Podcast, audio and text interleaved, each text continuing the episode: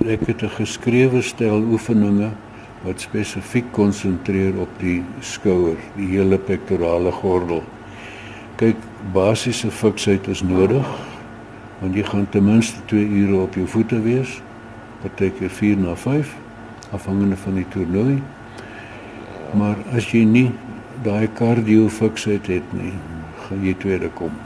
Ek het 'n stel oefeninge wat ek vir hulle gee wat spesifiek konsentreer op die skouerstelsel, want dis waar die werk gedoen word. Vir die res, jy staan stil. En dis 'n aspek wat ek partykeer geïrriteerd oor voel want ons kry maar dikwels genoeg die opmerking wat sê maar julle boogskutters dis nie 'n sport nie. Want jy kom nie sopnat gesweet van die baan af nie. Jy het nie rondgehardloop nie. Jy het niks eintlik gedoen nie. Julle mense staan stil en die boog doen die werk. Julle is nie eintlik atlete nie. Sy kom toets. Kom toets dit hier. Hier is 5000 pond, 7000 pond wat jy moet gaan uitsit. Kan jy dit hanteer? Begin altyd by die voete. Gelyk al twee bene, al twee voete. Skouerbreedte uitmekaar. Nie te wyd nie. Dis nie goed nie, ook nie te nou nie skouerbreedte.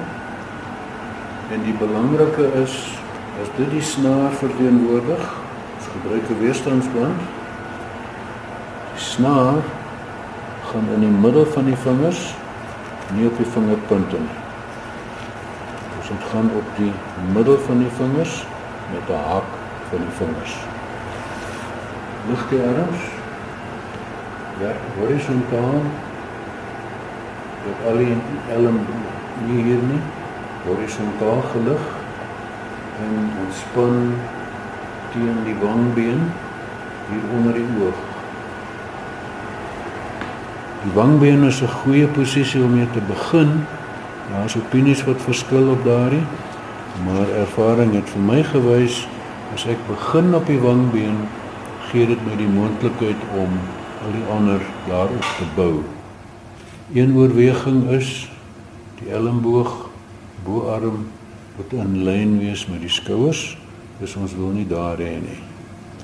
As ek so staan soos ek hier staan is my skuif daar dis my skouer kyk vir die skuif.